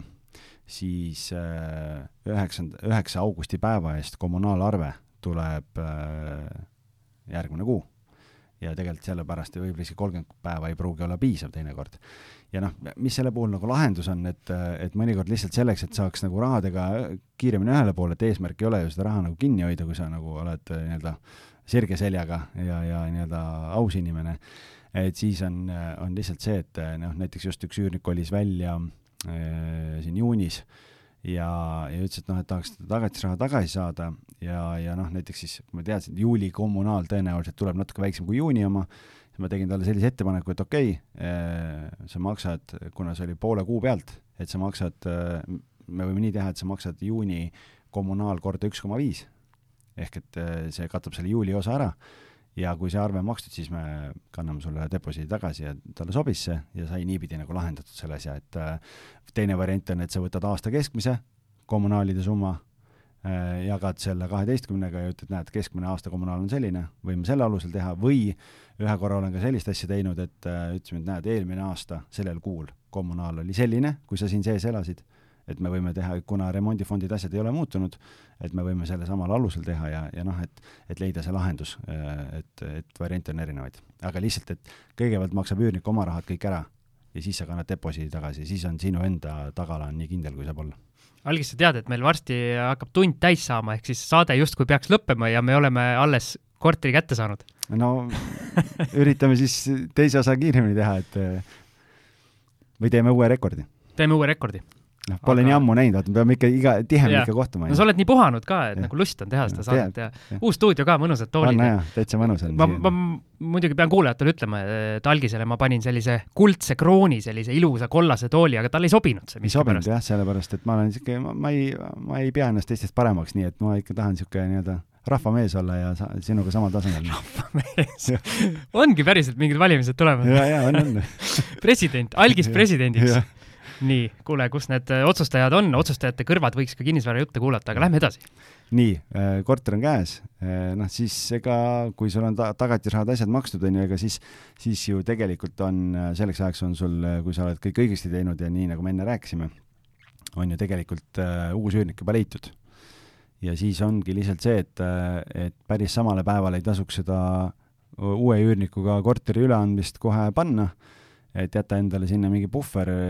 et, et, et on see siis, ma ei tea, kaks-kolm päeva, viis päeva, sa ju selleks ajaks juba äh, tõenäoliselt tead, kui sa oled korterit näitamas käinud, et kas seal on vaja mingit remonti teha või ei ole, et noh, sellest tulenevalt siis peaks jätma selle puhvri, et sa saad need tööd vahepeal ära teha ja enne, kui sa uue lepinguga alustad. aga ikkagi räägime sellest äh, üürnikele näitamisest ka, vot see oli üks punkt äh, kui ma seal Valdekus nüüd või mida ma seal Valdekus teistmoodi tegin, kui ma varasemalt olen teinud. nii, vaatame, kas sa oled õppinud, kas on midagi külge ka jäänud siin no, neljakümnest saatest? ma ei usu, aga äkki, äkki, äkki on. ühesõnaga, mina tegin seal niimoodi, et äh, ma lõpetasin kõik asjad eelmise üürnikuga ära ja siis toimus see koristus ja niimoodi, et ehk siis mina näitasin ikkagi juba tühja korterit. ja miks ma seda teen või miks ma seda tegin, oli see, et äh, ma tunnen ise siis ennast paremini mul ei ole seda stressi, et kas äh, vana üürnik on koristanud, kas äh, see korter on täpselt selline, et ma julgen seda äh, nii-öelda rahuliku südamega näidata või mitte. ja sellepärast ma mõtlesin, et ma parem kaotan selle pool kuud, sellepärast nagu sa ütlesid, et arvutused on kõik tehtud üheteistkümne, üheteistkümne kuuga, mul ei olnud kartust seda, et ma sinna üürnikku ei leia. ja siis ma nagu otsustasin, et ma need kaks nädalat siis nii-öelda pigem kaotan, aga teen endale sellega nii-öelda südamerahu juurde nii, ja siis ma tegin niimoodi, et äh, kui see korter oli lõpuks, lõpuks puhas, mingid väiksed asjad seal parandatud, siis äh, panin kuulutuse ülesse ja panin sama hinnaga, mis ta mul seni oli, mis võib-olla natuke oli viga, oleks võinud hinda tõsta, tundub, et see turg on natukene taastunud, et äh, nii-öelda kuulajatele siis täpsustuseks, enne koroonat oli see korter mul neljasaja viiekümnega väljas. siis pärast koroonat see üle-eelmine üürnik siis äh, läks välja, kes raskustesse sattus, ja ma panin siis kuulutuse neljakümne, neljasaja kahekümne viiega ja oli huvilisi päris hästi. aga ma olin valmis sealt neljasaja peale alla tulema, kui ma saan, saan hea üürniku, selles mõttes, et äh, ja siis ta oligi neljasajaga mul üüril ja nüüd ma mõtlesin, et ma panen uuesti neljasajaga, aga tegelikult oleks võinud vabalt panna nelisada kakskümmend viis, sest huvi oli väga suur. Tahad, ma räägin sulle numbritest natuke, ma tegin kiirelt arvuti, lükkasin KV lahti kohe siin ja, ja vaatasin ja, ja mida mu silmad näevad peale puhkust siin, ongi see, et tegelikult me olemegi nii-öelda vanas turuolukorras tagasi, ehk et eh, nii-öelda Covidi eelses ajas, sest eh, täna näiteks eh, KV-s on tuhat ükssada kaheksakümmend üürikuulutust, ehk et tegelikult enne seda pandeemia algust oli ta seal tuhat kuni tuhat kakssada, nii et turg on va-, nii, nagu ta oli varem, vahepeal siin oli kaks tuhat, siis oli selgelt üürnike turg, täna on ikkagi jälle nii-öelda läinud ta sinna, et, et ega kvantiteeti on turul kõvasti, kvaliteeti on vähe ja nagu ma olen sulle ka varem öelnud, et äh, alguses pane ikka kõrgem hind alla saab alati tulla hinnas, aga noh, ega ei pea, kui raha peale vihane oled ja ja tahad siin, tahad vähem teenida, noh, ega, ega ei pea. ei, seal oli tegelikult, äh, ma natuke nii-öelda kaalusin seda päris noh, kuidas ma ütlen, päris tõsiselt. aga, aga jällegi mulle meeldis, meeldis see efekt, et äh, ma panin sellise hinna, millega ma selgelt selles hinnaklassis ja seal piirkonnas silma paistsin ja eranditult kõik, kes tulid vaatama, neil olid nii-öelda positiivsed kommentaarid just et et nii hea odav hind ei, mitte odav hind, vaid selles mõttes, et ilus korter ja mõistliku hinnaga, selles mõttes, et noh, ja ta oligi. Oligi selles mõttes, et see hinnaklass oli, oli okei okay ja, ja korter oli nii-öelda seal piirkonnas ikkagi väga hea. aga kui sa nüüd mõtled suuremat pilti, et see, kas sul on kümne kandidaadi vahel valida või sul on kolme kandidaadi vahel valida, lõpuks sa valid ühe. et ja see, kas sul on üürihind on kakskümmend viis, kolmkümmend eurot kõrgem või madalam, sellepärast mitte ükski üürnik seda korterit ja ma olen nõus, ma oleks saanud neljasaja kahekümne viiega vabalt selle korteri samamoodi välja anda. võib-olla isegi neljasaja viiekümnega. Võib-olla ka neljasaja viiekümnega, jah no,. aga siis oleks võib-olla veidi on... pikemat aega läinud. jah, aga see on juba ühe kuu üüri äh, vahe aasta lõikes ühesõnaga, kui nüüd me, me ei taha üldse kuidagi ei, ei, kui nüüd see verbaalne, verbaalne näopeks algise poolt ära lõpeb, siis äh, ma läheks oma jutuga edasi, aga no vabandust. ma nii kaua kannatan veel ühesõnaga, kui see hinnateema nüüd kõrvale jätta, siis äh, ma tegin selliselt, et äh, ma ei tahtnud väga aega raisata selle näitamise peale, ma ei tahtnud ka maaklerit võtta, nagu Algis väga hästi teab. vabandust, aga kes kuulab seda, kuidas see loogiline on nagu? ise aega raisata ei taha, aga kedagi teist ka ei võta? ma tegelikult eh, meie selle nii-öelda kinnisvarajuttude kokkusaamisel eh, ütlesin ka, eh, et ma pean mingeid asju juba sellepärast tegema, et mul saates oleks rääkida. muidu noogudad kui ma võtan maakleri, siis mul ongi ainult, et no ma võtsin maakleriga, ma täpselt ei tea, mis ta tegi. väga hea, tee, tee, et muidu, muidu ei oleks sulle ju puid alla panna. ühesõnaga tuli äh, väga palju huvilisi ja ma panin äh,, ütlesingi kõigile, et äh, ma panen kõik vaatamised kahele päevale, viieteistminutiliste intervallidega. Ja kes saab tulla, see saab tulla, kes ei saa tulla, ei saa tulla, et huvi on nii suur, et ma igal juhul saan või ma eeldasin, et ma saan nende huviliste peale selle korteri välja anda, ma vist lõpuks kas käis viisteist või kuusteist inimest. tegid nagu Karin Vinkel, kes meil neljakümnenda saate, juubelisaate külaline oli, et olid kilome-, kes ei teinud ekskursiooni kilo,. kilomeetrised järjekorrad ei teinud ekskursiooni, vaid tegin ikkagi sellist, sellist liinitööd, et viieteist minuti kaupa inimesed tulid üllatavalt, üllatavalt täpselt või siis palusin kellelgi seal maja ees äh, hetk oodata, kuni eelmine välja läks. kuusteist inimest? No selles kahel õhtul näitasin. tuli päev, kohale kuusteist või? Äh, jah, jah okay.. kas oli viisteist või kuusteist, no ühesõnaga nii-öelda suurusjärk oli selline ja siis veel paljud äh, ütlesid, et nad tahaks tulla a la järgmise nädala esmaspäeval või niimoodi, siis ma ütlesin neile sellesama jutu, et, äh, et kahjuks ei saa. ja lõpuks siis mul oli valida kahe väga hea nii-öelda kandidaadi vahel, üks oli, äh, üks oli see, kes lõpuks siis valituks osutus ja siis oli üks, üks noorpaar, kes absoluutselt ka, ma ütlesin sellele noorpaarile ka, et mul oligi kaks ideaalset kandidaati minu jaoks, mitte mingit vahet neil ei olnud ja lõpuks ma võtsin, võtsin selle alusel, kes esimesena vaatamas käis. ja ütlesin talle, et ärge palun olge mu peale pahane, et mul ei olnud mitte millegi muu põhjal valida ja, ja siis ta ütles, et tead, arusaadav. sa oled ikka nii hea inimene, et vaatan kõrvalt ja kuulan seda ja mõtlen, et nagu super.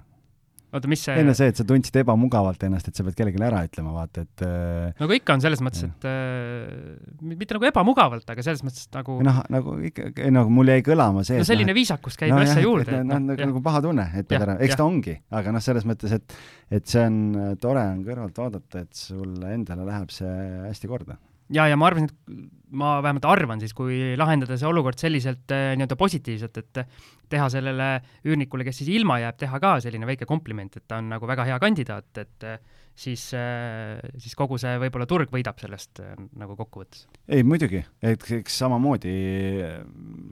ega endal samamoodi ju, kui sul on ikkagi nagu mitu head kandidaati, noh siis, siis ma olen alati üritanud nagu niipidi vaadata kohe, et kas mul on kas mul on midagi muud alternatiivset nagu pakkuda neile või, või aidata neil leida, on ju, noh, siin tulebki see vahe jälle sisse, kas sa oled omanik või sa oled maakler, et et, et, et siin nii-öelda maakleri kasutamise, kasuks räägibki selles olukorras võib-olla see, et lihtsalt, et sul on portfellis teisi korterid veel, et kui need inimesed jäävad mingist kindlast asjast ilma, siis sa ütled, et kuulge, aga tulge vaadake seda korterit, sest mul on, võib-olla see sobib teile, et, et nad ei, ei peaks hakkama nullist uuesti tööd tegema. aga jällegi ma saan öelda, et see ilma maakleri, maakleri vahet, vahendustasuta üüri, üürile andmine, see on äh, antud hinnaklassi korterites äh, päris kõva argument. Ei, kahtlemata noh, selles mõttes, et kui sa ühe kuu vahendustasu pead maksma, on ju, see on ühe kuu üür, aga, aga noh, teistpidi on jälle see, et ma ikkagi alati rõhun ise sellele, et et kui sellel inimesel ei ole maksta seda ühe kuu raha lisaks, siis see tähendab, et tal ei ole puhvrit ja see ei tähenda alati head, nii et, et see on nagu nii ja naa. ja nüüd on see rendini võimalus ka, et, et selles mõttes neid variante on mitmeid ja ma arvan, ongi iga omanik, iga investor saab teha täpselt, täpselt nii, nagu tal aga noh, selles mõttes on muidugi, noh, ma mütsi maha sinu ees, et, et see, et sa leidsid endale sinna superägeda üürniku, noh, see on nagu tore aga see, et sa nii paljudele inimestele võtsid vaevaks näidata, et et jah, no ma, ma nii suurt nii-öelda open house'i tavaliselt üüri, üürikorteritel ei tee, et kusjuures nii-öelda see võib tunduda nagu jutuna niimoodi jah, et umbes ei viitsiks teha niimoodi, aga see on, see on minu meelest selle asja juures kõige see meelelahutus, meelelahutuslikum aspekt üldse. kui need inimesed seal vorivad ja seal käib sellist rahvast, et noh, hoia ja keela, et no, no tõesti, see oli huvitav. ei, ma täitsa usun, noh, lihtsalt kes teeb seda igapäevase tööna ja seda küll, jah. ja, ja kellel vahetub korra aastas üürnik, eks seal ongi see vahe sees, on ju, et äh, mitte see, et ma ei üritaks nii vähe tööd teha kui võimalik, vaid lihtsalt on see, et äh, ma tavaliselt lepin omanikega kokku, et, et kui me leiame esimese sobiva kandidaadi, siis me temaga läheme, taustakontrollid ära, kõik on korras, nii edasi, läheme lepingusse, et, et mitte raisata enda ja inimeste aega, et et noh, see, see on see põhjus seal taga lihtsalt aga jah, nüüd ma sain sinna ühe nii-öelda spordipoisi, üksiku, üksiku noormehe, et äh... aga vot, võib-olla hea teema, äh, mille üle nagu meie kuulajatel ka mõelda, et äh, sa võtsid üksiku inimese ja teine oli noorpaar. miks sa otsustasid sellise üürniku kasuks, kellel on, kui nii-öelda on ainult üks sissetulek, millest üürnik äh, sõltub, kui noorpaaril on nagu mõlemal sissetulek, et kui ühel midagi juhtub, siis teisel on sissetulek alles, et sul tegelikult enda jaoks on nagu risk suurem, et mis selle noormehe kasuks rääkis? kusjuures äh, ma kaalusingi täpselt sellest samast aspektist äh, seda asja päris tõsiselt ja mis selle noormehe kasuks rääkis, oli see, et ta meenutas natukene noort mind ja mu mõte oli see, et see noorpaar oleks olnud üüriperioodi jooksul äh, oluliselt äh, nõudlikum, ma eeldan. eriti see nii-öelda naispool siis. mitte nagu halvas mõttes ja mitte nagu, või noh, see on kõik selle nii-öelda ühe selle visiidi põhjal siis nõudlikum ma... siis korteri sisustuse või seisukorra osas või mille osas? no üldse, et a la, ma ei tea, naabritest keegi teeb häält, võib-olla ma mm. saan sellest kohe teada, vaata, ja mm. mis iganes, jaa, et midagi läheb katki, võib-olla siis äh, nii-öelda peab minema seal pirni vahetama ja niimoodi aga.... ei no ega selles mõttes, et ma ei ütle, et see üksiku noormehe valik halb on, lihtsalt see nii-öelda sissetulekust tulenev risk on suurem, aga seal võivad jah, tõesti olla mingid muud äh, aspektid, mis räägivad tema kasuks. ja tema äh, kasuks rääkis see, et äh, tal oli kaks äh, nii-öelda erinevat sissetulekuallikat äh,, ehk okay. siis äh,, ehk siis noh ma nagu küsisin väga nii-öelda avatud kaartidega ka, et kus töötad, mida teed ja nii-öelda kõigi üürnike käest, kes siis nii-öelda lõppvooru jõudsid. et, äh, et ma selles osas äh, olin jah, üsna kindel.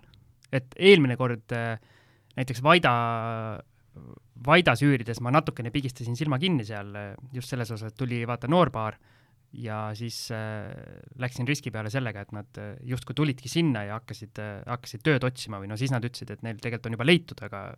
aga nagu nii uus töökoht ja niimoodi. ei no eks seal räägib selle kasuks ka vaata, et noh, vahet ei ole, et on üksik inimene või, või paar äh, selle koha pealt, et kui need, kui see noor paar ongi täpselt niimoodi, et ma ei tea, üks on üliõpilane ja ja, ja teine töötab kuskil või et äh, mõlema töökohad on sellised, noh, ma, ma ei ütle kuidagi nagu halvustavalt, aga ütleme, et on sellised nii-öelda äh,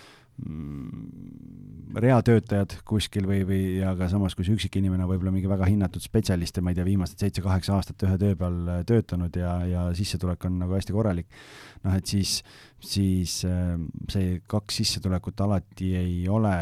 ei ole nagu parem kui üks, sest see sõltub jälle sellest, et millises valdkonnas ja kus sa töötad minu jaoks näitab see seda, et äh, mingil määral ikkagi on munad erinevas korvis, vaata, nagu, nagu investeerimiselgi mm -hmm. räägitakse, et ja, aga jah, huvitav saab olema näha, et kui mul eelnevalt nii Vaidas kui Valdekus olid, äh, olid paarid, noorpaarid siis,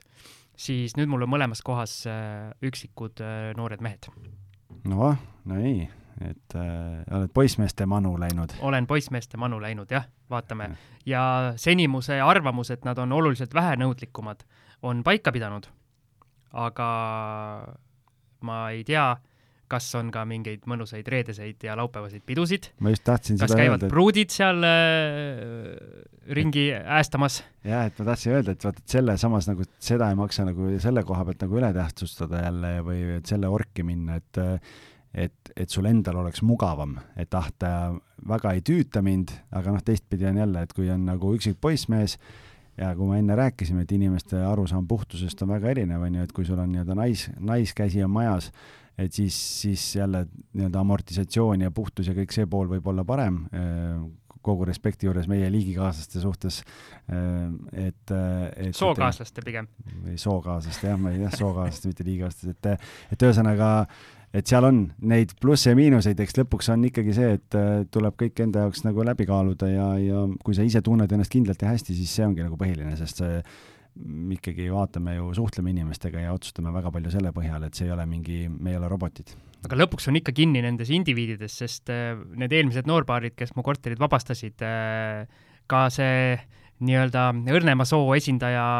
juuresolek äh, ei päästnud sellest, et ikkagi korterid nagu koristamise mõttes olid mõlemad väga halvas seisus no ma ütlen, et see on, see nagu on sa oled mitu korda öelnud, igalühel on oma arusaam puhtusest. jah, ega seda lastetuba ju ei näe nii-öelda, et mis, mis sealt kodunt kaasa tuleb. okei okay,, kas, kas meil on mingeid teemasid, mingeid küsimusi veel, mis sul jäid õhku sellega seoses või et kui me nüüd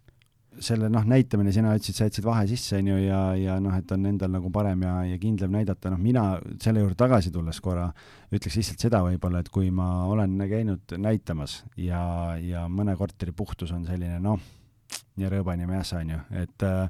siis ma olen üürnikule öelnud lihtsalt, et kuule, ole hea, et noh, natukene, et pane vähemalt nagu asjad ära, et okei okay,, ma see, et kui tal on mingid kuskil tolmurullid, mingid niisugused asjad kuskil või noh, on näha, et ma ei tea, vannitoas ta pole dušiklaasi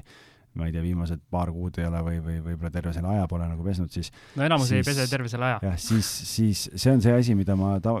üürnikele ütlen, sest ma ei lähe ise äh, ma, ma nipet-näpet võin teha, ma olen mõnikord teinud niimoodi, vaatad, et oh, kraanikauss on must midagi, võtad švammiga, teed kiirelt,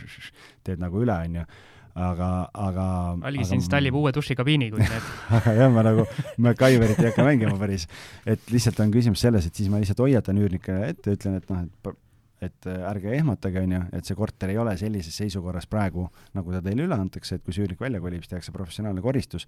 et vaadake seda korterit, vaadake seda asukohta, kogu seda elukeskkonda, kõike seda poolt, et, et meie anname teile nagu puhta nii-öelda korraliku korteri üle, et, et, et see, et kui sa selle info ära annad, siis, siis sa ei pea selle pärast ootama, et üürnik välja kolib, vaid sa lihtsalt nii-öelda teed selle pehmema maandumise üürnikule juba enne ära okei okay,, minul on äh, selline küsimus, kuidas professionaalid lahendavad selle olukorra, et äh, kui näiteks korter läheb nüüd poole kuu pealt, äh, läheb uuele, uuele üürnikule, siis sa alguses ju nii-öelda küsid ühe täiskuu üüri ette, pluss tagatisraha, eks? on nii? ei. või sa küsid selle poole kuu üüri ette, pluss tagatisraha? minu klientidel kõigil läheb päevade arvu järgi ehk kui korteri üür on nelisada eurot, üürnik kolib sisse seitsmeteistkümnendal kuupäeval, siis on nelisada jagatud kolmekümnega korda a la kolmteist, neliteist päeva, et ta maksab konkreetselt jooksva kuu eest, ta maksab ikkagi nende päevade arvu eest ja siis järgmise üüri, järgmise kuu alguses maksab täisüüri. okei okay., ehk siis sa ei küsi kohe alguses äh... tervet kuud ette, ei, ta maksab samamoodi, lahkuv üürnik maksab päevade arvu eest ja uus üürnik see on loogiline, aga minu nii-öelda nagu küsimus oligi või tähendab, kuidas mina selle olen nüüd lahendanud viimased korrad, on niimoodi, et ma küsin ikkagi täiskuu üüri alguses koos tagatisrahaga. ja siis selle teise kuu äh, teen äh, vastavalt siis äh, päevade arvule mis see vahe seal on? vahe on see, et äh, siis ma tean, et ta selle esimese maksega on nii-öelda maksab mulle juba või on suuteline selle täiskuu üüri nagu ära maksma. Äh, no vaata, seal on see asi, et tegelikult see teeb nagu keerulisemaks asja. vaata, minu jaoks teeb asja lihtsamaks see, kui ta maksab esimene kuu äh, päevade arvu järgi, miks? emotsionaalselt lihtsamaks, kui üürnik tuleb, ta eelmisest kohast lahkub, tal on tagatisraha on seal veel kinni Äh, siis ta on seal maksnud ära äh, üüri juba, kui sa uude kohta lähed, sellega kaasnevad sama, Siim võtab deposiidi, on ju, siis ta võtab äh, täiskuu üüri, kõik asjad, et kui sa räägidki sellest kolmesajast, neljasajast, viiesaja eurosest üürnikust, ega tal ei ole seda raha kuskil tuhandetes seal kontode peal olemas, sest siis ta ei vaataks võib-olla sellise eelarve korterit. Ähm, ja siis ongi see, et et lihtsalt on see, et ma saangi, mis ma tavaliselt ütlen, ongi see, näed, et on kaks varianti lepingu tegemiseks, on klassikaline moodus, sa maksad üüri, sa maksad päevade arvu, et sa ei pea tervet kuud maksma, kui sa tuled poole kuu pealt, sa maksad vastavalt nende päevade eest, mis sa korteris oled, samamoodi kommunaalid äh,, siis sa maksad äh, äh, ja äh, klassikaline moodus, sa maksad deposiidi ja vahendustasu, nii. teine variant, mis on veel soodsam äh,, on see, et sa maksad äh, selle päevade arvu eest üüri vahendustasu ja tagatisraha ei ole vaja maksta, kui me teeme rendini kaudu selle lepingu. et äh, ja see, kui ta maksab poole kuu eest, sa ei kujuta ette, milline kergendus see on inimestel või nende päevade arvu eest. sest äh, ta maksab reaalselt selle eest, et ta saab aru, et okei okay,, näed, ma elan seal kümme päeva ainult, noh. et ja siis ta, ja ma ütlengi talle, et sa praegu maksad selle kümne päeva eest, aga sul esimesel kuupäeval tuleb uus arve ja viiendal on maksetähtaeg, et siis sa tead, et see teine arve on kohe-kohe uuesti tulemas, on ju, et äh, et ähm, ja, ja siis mulle endale tundub, et see nagu nii palju, kui ma inimeste reaktsiooni olen vaadanud, et see on nagu emotsionaalselt tohutu kergendus neile nagu, sest stardikulud on väiksemad. okei okay,, arusaadav, nii, kuidas aga, aga minu jutt ei ole absoluutne tõde, et võib ka nii teha, nagu siin teeb, et, et päeva lõpuks sama teeb välja, on ju. ja sama teeb lõpuks välja, lihtsalt see minu variant on natukene keerukam selgitada üürnikule. okei okay,, nii Äh, siis mul on selline küsimus, kuidas äh, sina ja sinu äh, nii-öelda kliendid lahendavad need olukorrad kommunaalide maksmisega, et kas, kas omanik maksab ise kommunaale ja küsib siis arve peal, arve pealt üürnikult selle või laseb üürnikul ise maksta? ma räägin kaks erinevat varianti ära, üks on need kliendid, kellele ma leian üürniku, kes ei ole meil halduses ja siis teine pool on need meie ise. noh, meie puhul on loogiline see, et et meie ise korjame, korjame kommunaalmaksed kokku ja, ja maksame ise ühistutel, hoiame kätt pulsil, et kõik toimiks, sest me vastutame oma, oma klientide nii-öelda meelerahu ja kõige selle eest, sest kui kuskil mingi võlgnevus tekib, siis läheb nendele email ja siis nad vaatavad, kuule, kuule, kuule, et mis teil seal toimub, kas te tööd ei tee, on ju. noh, et, et see on nagu üks pool. teine pool on see, et kui nüüd Siim ütleb, et kuule, leia mulle üürnik Valdekusse, siis on, sõltub hästi palju sellest üürileandjast, et, et seal on üks osa üürileandjaid on need, kes tahavad samamoodi teha, et kogu nemad, eriti see puudutab, see on äh, siis tavaliselt nii, kui on äh, üürile antakse läbi ettevõtte, et sa esitad arve ja üürnik maksab ära ja siis sa maksad sealt, äh, maksad ühistule. üks osa on need nii-öelda mugavus, äh, kes otsivad seda mugavust, ütlevad, et üürnikule, et noh, et, et, et mina ei viitsi äh, ise mässata, et tead, kanna ise otse ühistule ja, ja noh, siis nii on nagu lihtsam, et, et üks, üks liigutus nagu vähem. aga noh, teistpidi, jah, sa võidki seda teha, ähm, sest sul tuleb see kommunaalarve, sa järgmine kuu ju näed, kui on probleem. aga noh, teistpidi on jälle see, et et ähm, kui sa ise maksad ja sa ise kontrollid, siis sul on selle võrra võib-olla korteriühistu ees ka nagu parem olla, et ei pea, ja päeva lõpuks on see, et alguses tundub, et võib-olla nagu jagelemist on vähem, aga kui üürnik ei maksa seda kommunaali siis ühistule ja sa pead hakkama, siis sa suhtled ühistuga, siis sa suhtled üürnikuga ja päeva lõpuks sa panustad sinna rohkem aega kui, kui see, et kuule, maksa mulle ja ma maksan ise ühistule. väga hea, mina olin valinud selle tee, et mina, need korterid, mis mul üüril on, et äh, maksan, maksan kõikide nii-öelda kommunaale siis ise ja siis panen arvele juurde, aga siis tekib minul küsimus. kui nüüd äh, sina esitad üürnikule arve omanikuna äh,, nagu sa ütlesid, esimesel läheb äh, jooksva kuu eest arve välja, ma ei tea, viies on tähtaeg või mis iganes, siis äh, ma ei ole veel näinud ühtegi ühistut, kus äh, viiendaks näiteks on, on eelmise kuu kommunaalide arve. Ja sellepärast mina teen niimoodi, et jooksva kuu üür ja siis üle-eelmise kuu kommunaalid, ehk siis see välp on nii suur. aga on seal mingit aga miks, aga miks see ühe arvega peab olema seotud? sellepärast, et ma ei viitsi nii palju arveid teha no aga sul ei ole nii palju kortereid, et see tuleb, esimesel saadad üüriarve välja ja sul viieteistkümnendal tuleb ühistuarve, siis sa võtad selle arvuti korraks lahti, viis minutit, teed teise arve juurde sinna, sada kaksteist eurot ja kolmkümmend seitse senti ja saadad talle selle välja ja, ja ongi tehtud, et, et see ei pea olema ühe arvega seotud. no okei okay,, nüüd ma sain vastuse, miks, miks minu jaoks see probleem on, probleem ongi see, et ma olen liiga laisk. Jah, noh, aga siis selle jaoks on haldusettevõtted siin olemas, et aga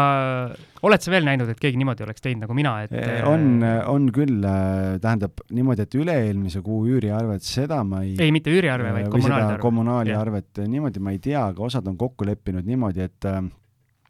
et üüri maksmine on kuu viimane päev ja siis makstaksegi no siis on lihtne. maksad täna august kolmkümmend, maksad septembri üüri ja maksad äh, juuli kommunaali siis on lihtne. jah ja., niipidi, tehakse niipidi, et sellist asja olen näinud küll, jah. no mul on niimoodi, et kui nüüd äh, august algas, siis äh, seal Valdekus on niimoodi, et augusti üüri maksab ja maksab, äh, noh, teda siis veel ei olnud, aga muidu, kui oleks sees olnud, siis maksab juuni kommunaalid mm. -hmm noh jah see..., ei, päeva lõpuks jälle, selles mõttes, et kõik on ju kokkulepete küsimus ja kui üürnikule tundub arusaadav, sulle tundub arusaadav, lihtsalt mulle see, see, kui see nii pika ajavälp on seal, siis on see lihtsalt, et kui üürileping lõpeb, noh, siis Just. tagantjärele arvete esitamine ja, ja kogu see pool lihtsalt, et sul on see nii-öelda taak eelmisest lepingust kuidagi nagu nagu veel kaelas enne juba, kui sa oled uuega nagu alustanud, et äh, kuigi noh, kui sa, kui, kui me räägime raha teenimisest, siis, siis see ei ole taak, on ju, kuigi noh, okei okay,, kommunaaliga sa ei teeni raha, aga lihtsalt, et äh, et päeva lõpuks on see, et kui ta sul välja kolib, siis sa pead ikka esitama talle tagantjärele ainult äh, kommunaalide arved. Või jah, kui sa oled mugav, siis sa tasaarveldad, teed mingi kokkuleppe, tasaarveldad tagatisrahaga, kui suuri probleeme ei ole, et noh, see on nagu teine variant. nii ma eelmisega tegin et noh, ütleme nii, et ma arvan, et siin ei ole õiget või valet vastust, et siin igaüks teeb oma, oma mugavuse või selle järgi, kuidas ta tunneb, et ta saab öösel võimalikult rahulikult magada ja et tema jaoks on asi lihtne ja selge ja üürniku jaoks samamoodi. aga ma arvan, et me peame hakkama otsi kokku tõmbama, tund kakskümmend saab kohe varsti täis wow. et äh, ärme jah, kohe kuulajaid ära väsita siin äh, peale suvepuhkust. jäi meil midagi, midagi olulist äh, üürniku leidmisel ja sissepanemisel rääkimata ka? ei no eks me üürniku leidmisest ja sellest põhjalikust protsessist oleme ju tegelikult eraldi saateid teinud, nii et ma arvan, et sinna pole rohkem mõtet nagu sisse minna, aga aga, aga vaata, Algis, meie see podcast'i ajalugu läheb juba nii, nii pikaks ja saade on juba nii vana, et me peame ikkagi mingeid, mingeid küsimusi ja teemasid järje, uuesti ja uuesti kajastama, sest uh, uued investorid tulevad peale. ja, ja tulevad uued kogemused, uued näited, kõik, kõik sellised asjad, nii et aga, aga jah, et, et võib-olla ikkagi praegu, kuna saade on nii pikaks läinud, siis lihtsalt uh, soovitaks uh, soovitaks vaadata saate ajalugu natukene ja esimese kümne saate hulgas oli meil päris mitu saadet, et kuidas üürnikku leida, kuidas taustakontrolli teha ja kõik, kõik need asjad on olemas, nii et, et leiate kindlasti selle kohta põhjalikumat infot. ja umbes esimesed äh, kümme saadet oli veel see aeg, kui algis oli noor ja roheline ja tal hääl meeletult värises, kui ta seal mikrofoni taga oli, nii et kannatage see ära, palun. ja, ja noh, ega seal ja need nii-öelda siimu väljalõikamisi te ju ei tea, on ju, aga noh, et ütleme, et see kooliraha sellest ka... paneme kümne aasta pärast ühe korraliku äh, boonusosa kokku. Mis läheb, jah, mis läheb kolmekümne esimese detsembri ETV õhtusesse programmi. just. aga no tore, Siim, tegelikult kui ma praegu seda saadet kokku võtan ja mõtlen, siis äh, ega ju väga mööda ei läinudki, nii et kui me seda eksamit nüüd räägime, et seda hinnet panna, siis ma arvan, et niisugune noh, tugev, tugev neli jess, neli on hea hinne. viis on natukene nagu sihuke oivik ja natuke häbi hakkaks, aga neli on okei okay.. viielisi on ka vaja, aga, aga noh, ütleme, et ega kolmel ka poleks viga olnud, aga, aga praegu mulle tundus suures plaanis nagu, et ütleme nii, et äh, tundub, et isegi hakkab asja saama. ja, ja tundub, et algis on äh, nii-öelda puhkuse ajal jutu jooksma saanud, et ta alguses siin muretses, et võib-olla me ei suuda tundi, tundi aega täis rääkida, aga siin räägiks veel. no ma ütlen, sinuga on hea lobiseda, nii et äh, loodame, et kuulajatel oli sama mõnus kui meil täna sinuga. absoluutselt. ja mina tänan, stuudios olid äh, Siim ja Algis nagu ikka ja kohtume järgmistes osades. nautige suve!